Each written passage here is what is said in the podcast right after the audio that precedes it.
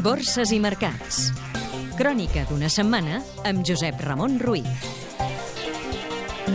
Les borses han tancat lleument a l'alça per sobre de l'1%, tot i una economia europea que viu la recessió més llarga de la seva història d'unes decebedores xifres macroeconòmiques als Estats Units i també enmig dels temors que la Reserva Federal nord-americana rebaixi el programa de compra il·limitada de bons.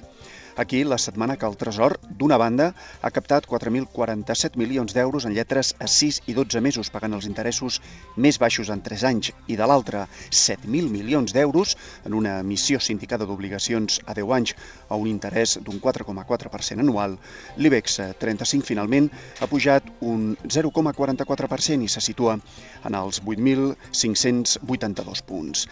Les empreses del selectiu han tornat als beneficis de gener a març després de les pèrdues del 2012. Han guanyat més de 7.300 milions d'euros i les empreses mitjanes cotitzades han guanyat un 18% més. En el mercat continu ha destacat l'exitosa estrena de l'Iberbank, el millor debut en gairebé 13 anys, i Metrobacesa, que abandona la borsa després de 72 anys d'història.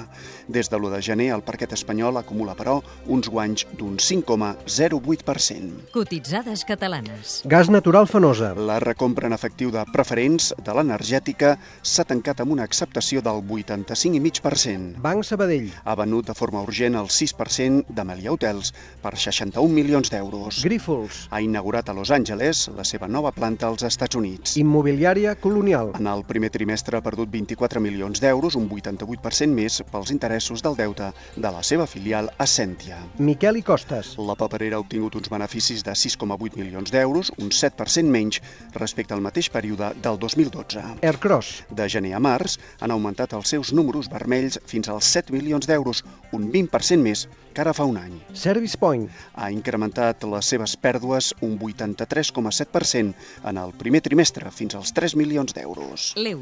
La moneda única s'ha depreciat aquesta setmana davant de la divisa nord-americana. Aquest divendres el Banc Central Europeu n'ha fixat el seu canvi oficial a 1,2869 unitats. El patron.